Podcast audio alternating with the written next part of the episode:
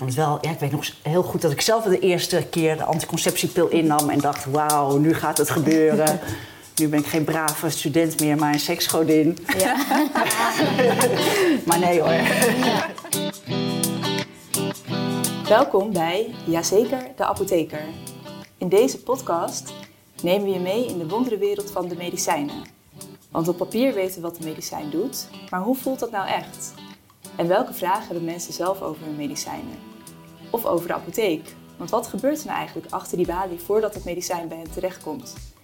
We praten hierover en vertalen onze wetenschappelijke kennis naar praktische informatie.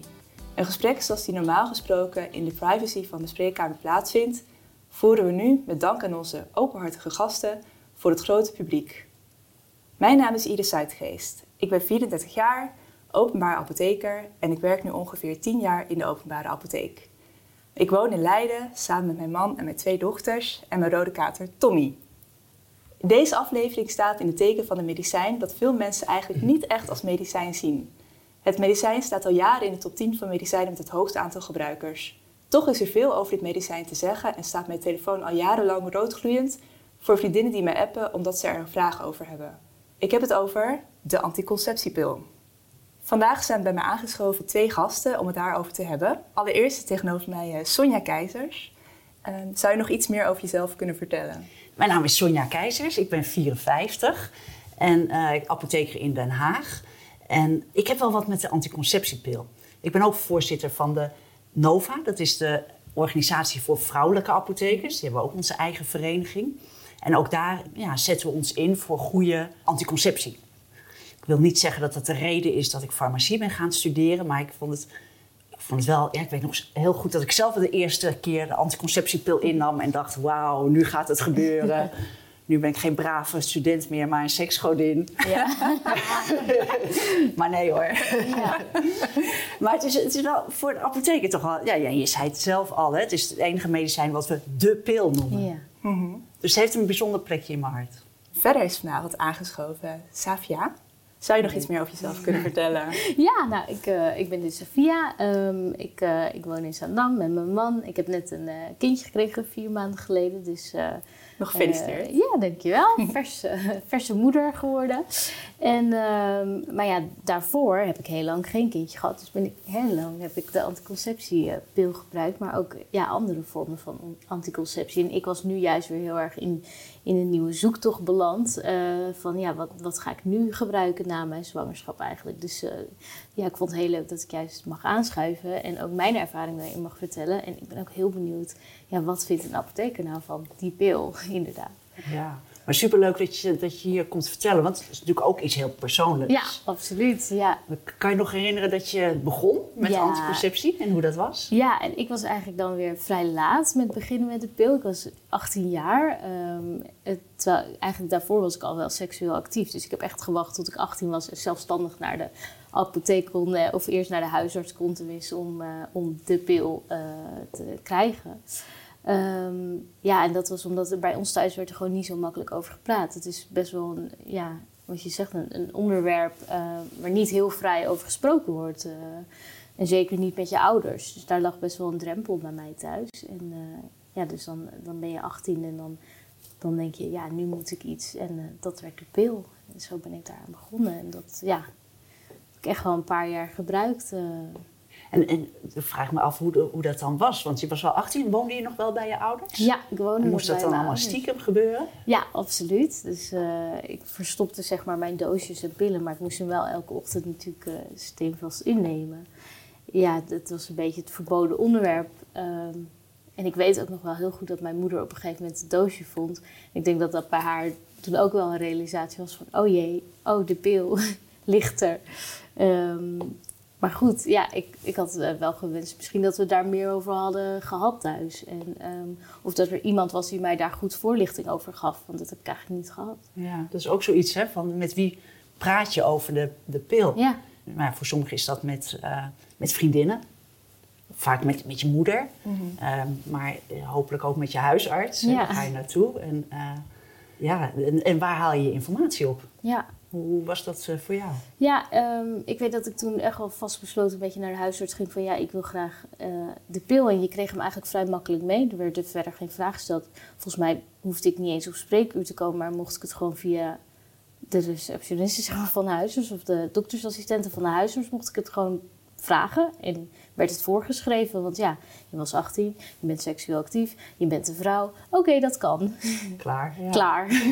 Is ooit op spreekuur geweest bij de huisarts toen? Nee, nee eigenlijk oh, niet. Nu ik erover ja, nadenk. Nee, dat was gewoon uh, ja, over de telefoon zo besproken. En ik kreeg een receptje en ik mocht het ophalen bij de apotheek.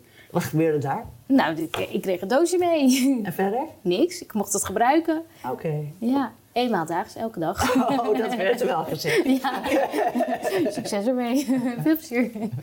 En, en, en, wat was je ervaring ermee? Beviel het? Um, ja, nou ja, één zorg viel weg. En dat was, ik word niet zwanger. Of althans, de kans dat ik zwanger word is aanzienlijk kleiner.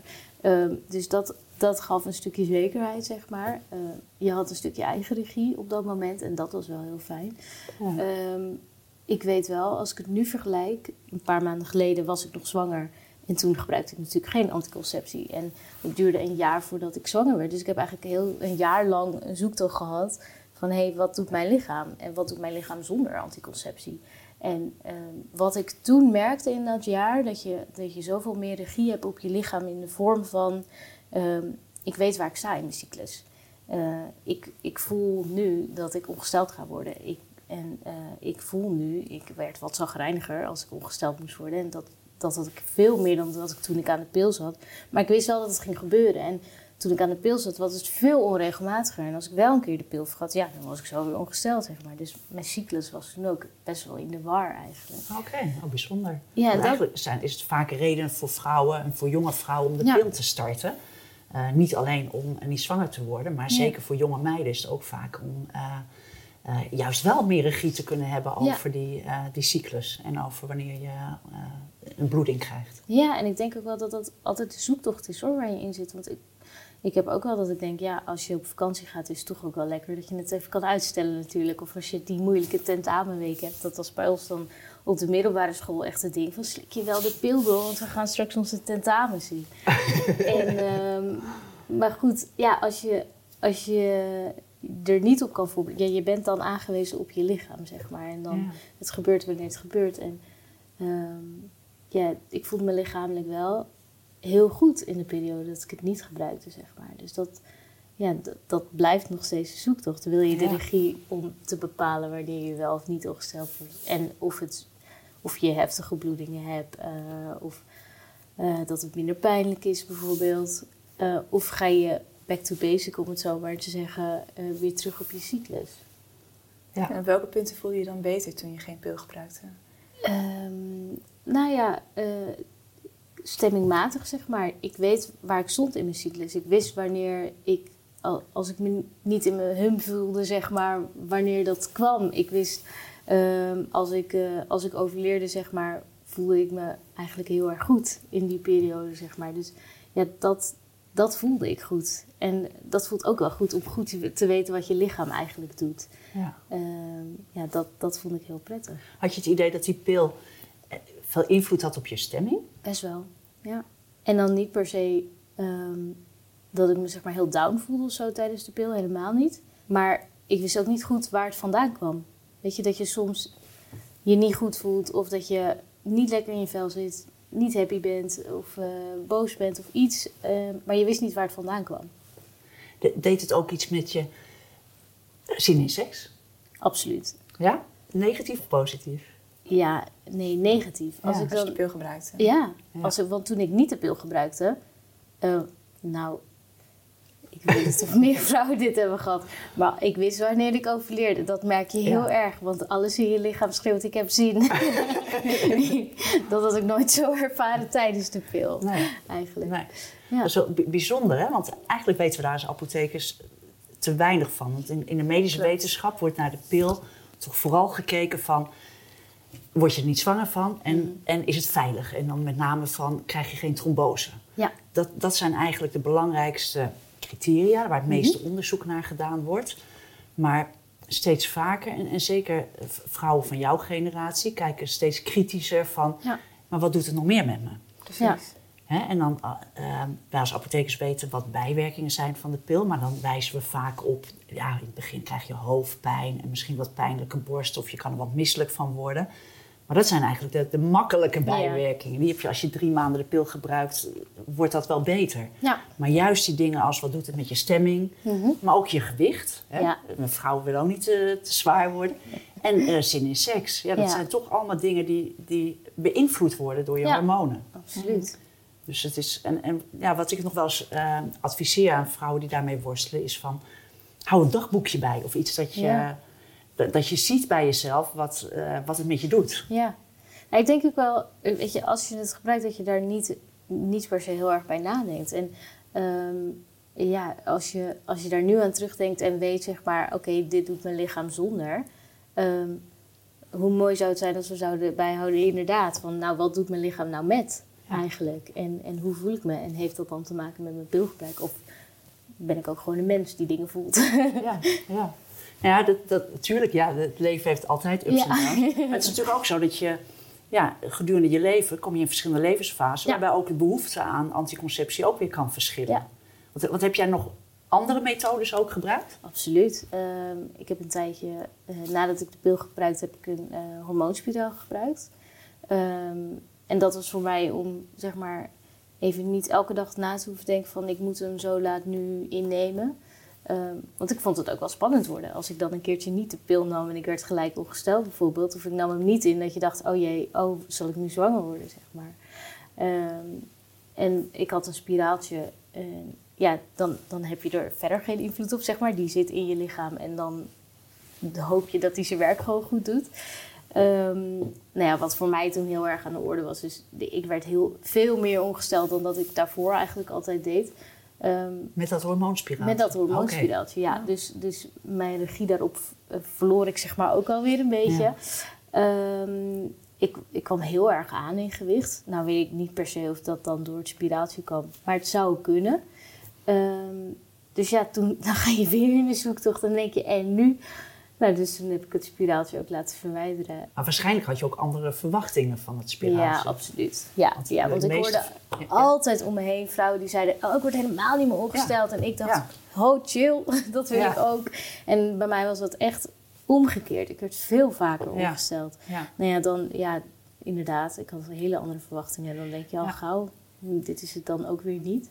Het kan een voordeel zijn en een nadeel. Hè? Het voordeel is dan dat het vaak eh, wegblijft of Ja. minder is. Maar het nadeel is dat het heel onvoorspelbaar is. Ja, ja, En, dat je ook niet de, voorspelling, de voorspelbare waarde van het ongesteld worden, zeg maar. ja.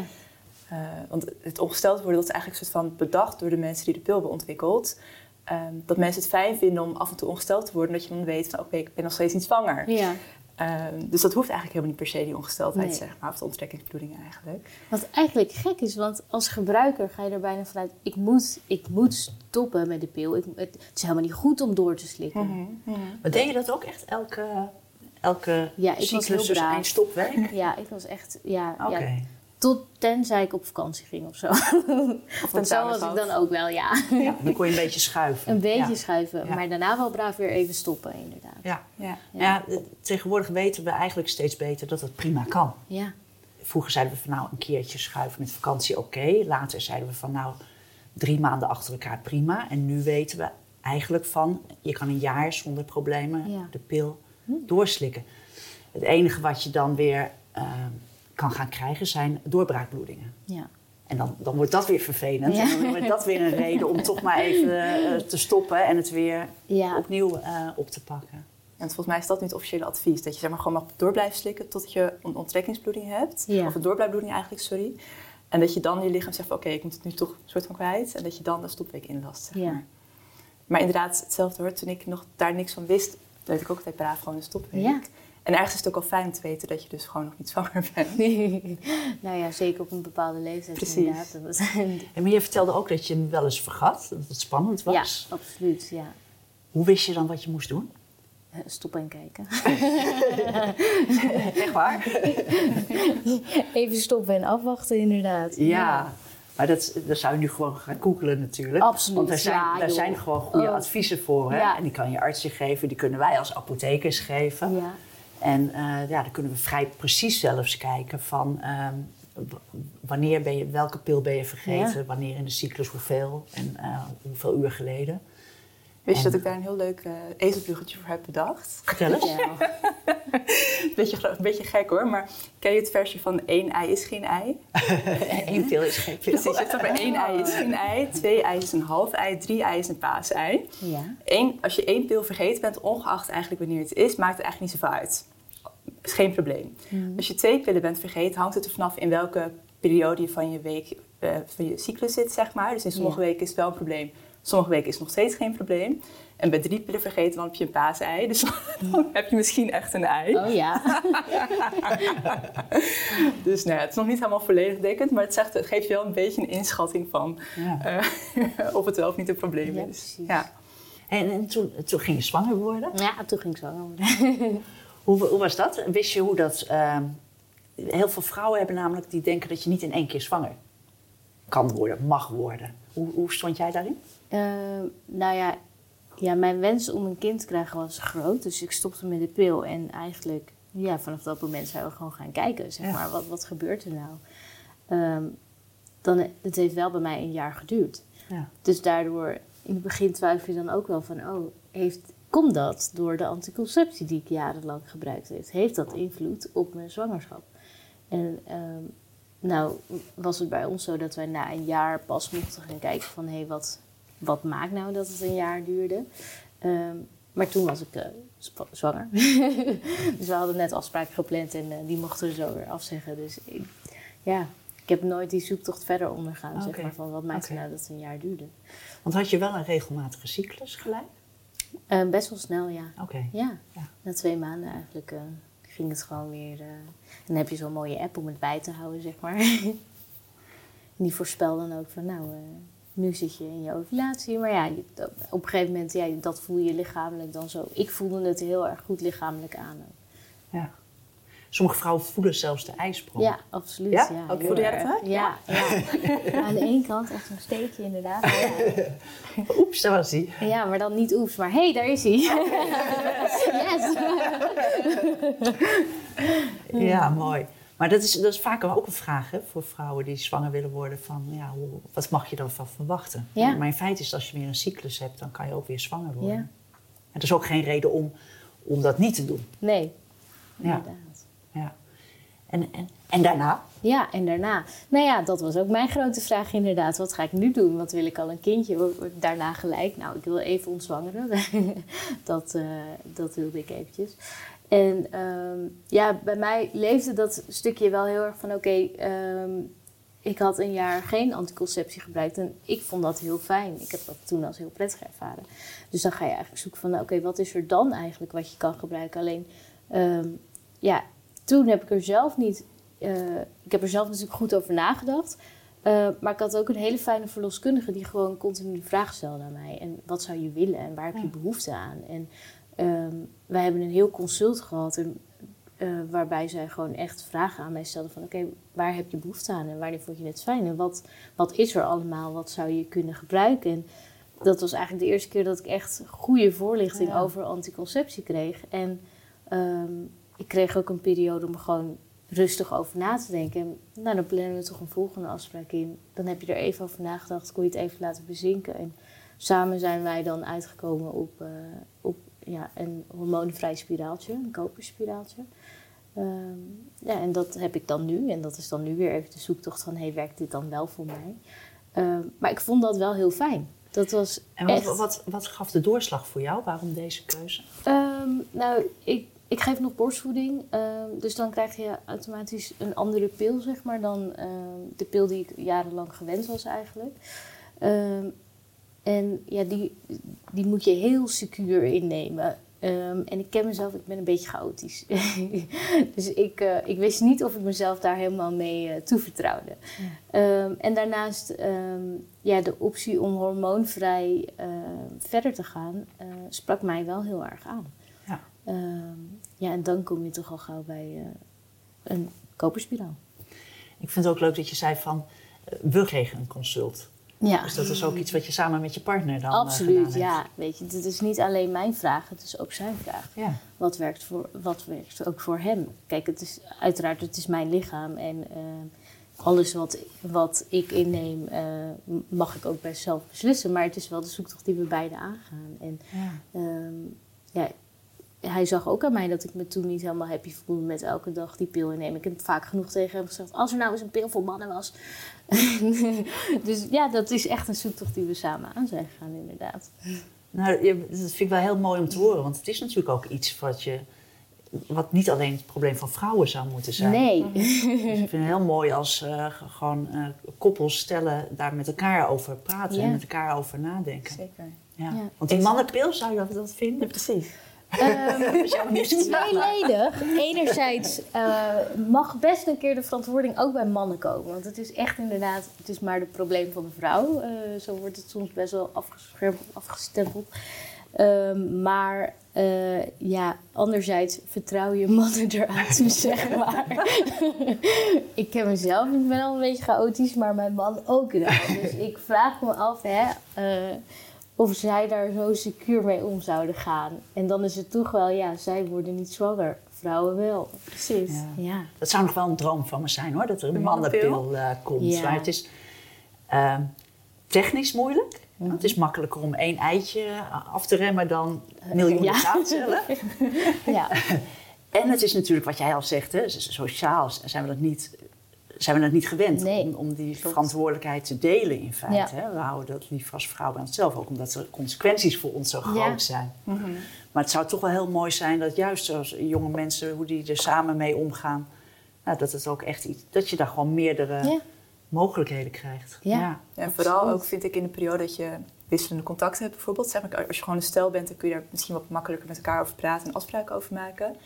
Maar eh, als je bijvoorbeeld nog vrijgezel bent, Ja. dan lijkt het mij heel fijn als man zijnde ook, om daar ook zelf een verantwoordelijkheid Ja. in te kunnen nemen.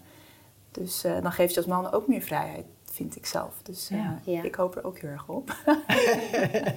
Ja, ik denk dat er genoeg mannen zijn die achteraf denken... oh jeetje, eh, had ik maar die stap kunnen Ja, nemen, precies. inderdaad. Er En, zijn eh, natuurlijk genoeg mannen die erin geluisterd Ja, zijn. eh. inderdaad. Er werd vaak genoeg tegen mij gezegd... oh, maar dan vergeet je dit beeld toch af en toe een keertje. Echt waar, joh. Ja, joh. ja, nou, die arme mannen, maar... Nee. Ja, ik denk dat die er ook wel op zitten te wachten. Ja. Hey, en heb, heb je een dochtertje of een zoontje? Een dochtertje, ja.